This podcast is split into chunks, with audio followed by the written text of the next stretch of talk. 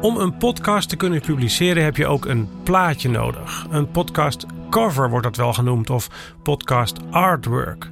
Dat plaatje moet aan een paar technische eisen voldoen en er zijn een paar best practices. Dit is Kennisbank aflevering 54. Hoe maak je een goed podcast cover? Ik ben Hajo Magree. Dit is Tussen de Oren, de podcast over podcasting van NAP1. Wij maken audiocontent. Eerst maar even naar die technische eisen kijken. Ten eerste, het plaatje moet vierkant zijn. Niet rechthoekig dus, een 1 op 1 aspectratio in technische termen. Ten tweede, het moet minimaal 1400 bij 1400 pixels zijn en maximaal 3000 bij 3000 en met een voorkeur voor het grootste formaat. En ten derde, het moet gemaakt zijn in de RGB kleurruimte, niet in CMYK dus bijvoorbeeld. En als ik nu een beetje geheimtaal voor je praat, dan is dit waarschijnlijk een klusje voor een geschoolde grafisch ontwerper, want die weet als het goed is heel goed wat er bedoeld wordt met termen als RGB, kleurruimte en pixels. En voor zover ik daar trouwens nog niet duidelijk genoeg over was, dat plaatje is verplicht. Hè? Zonder zo'n plaatje kan je podcast niet gepubliceerd worden. Verder mogen er van Apple, en dat is nog steeds een van de belangrijkste spelers in podcastland, een aantal dingen niet op dat plaatje staan. Logo's van Apple of iTunes mag je niet gebruiken. En die woorden ook niet. Dus de woorden Apple, Apple Podcast of Apple Music en zo mogen er niet op voorkomen. Dat wil je waarschijnlijk ook helemaal niet, maar ik zeg het toch maar even. En je mag ook geen afbeeldingen van Apple producten gebruiken. Dus niet van de Apple oortjes of van een Apple MacBook Pro mag allemaal niet. Verder mag er geen grof taalgebruik op een podcastcover staan. De plaatjes moeten een beetje scherp zijn, niet korrelig of pixelig en je mag niet refereren aan drugs of aan geweld. En er mogen geen sponsorlogo's of andere reclameuitingen op je podcastcover staan.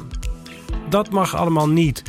Wat mag en kan er allemaal wel dan? Nou, dat is natuurlijk eigenlijk helemaal aan de creativiteit van de grafisch ontwerper. Maar de bedoeling is om een sprankelend, opvallend en een beetje concurrerend plaatje te maken. Het kan daarbij slim zijn om de titel van de podcast nog een keer in tekst op dat cover te herhalen. Los van dat plaatje vul je bij je podcast hosting provider ook de titel voor je kanaal in, in tekst. En de meeste podcast apps zetten die titel ook nog eens onder het plaatje, maar niet allemaal.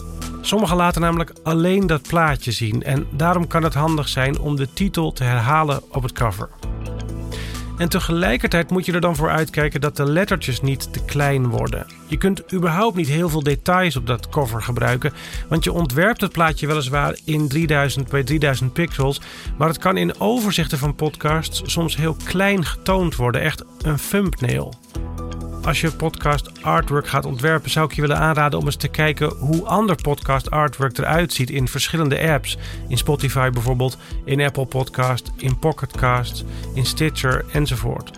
Hoe gebruiken die jouw artwork? Waar komt het allemaal terug en hoe groot dan? En is jouw ontwerp op dat soort plekken leesbaar genoeg? Is je kleurgebruik opvallend genoeg?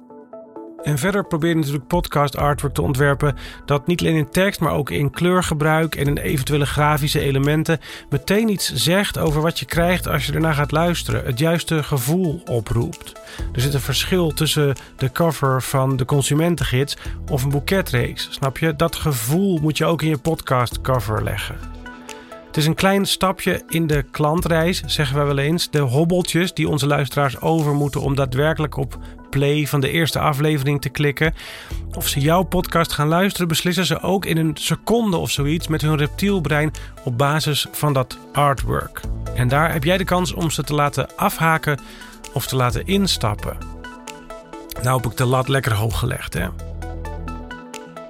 Voor ik deze aflevering afsluit, nog één klein dingetje. Je kunt behalve een podcast cover voor je hele kanaal ook nog artwork per episode maken, per aflevering. Niet alle podcast hostingpartijen ondersteunen het uploaden daarvan trouwens, maar veel ook wel. En dat plaatje wordt dan naast die specifieke aflevering getoond. Niet veel podcastmakers doen dit, maar het is wel een leuke manier om je te onderscheiden misschien. Het lijkt me dan wel belangrijk om te zorgen dat dat artwork per aflevering aansluit bij het artwork van het kanaal. Als dat te veel van elkaar verschilt en niet met elkaar in lijn is, kunnen mensen het verwarrend gaan vinden. En dat wil je niet natuurlijk. Dat was het.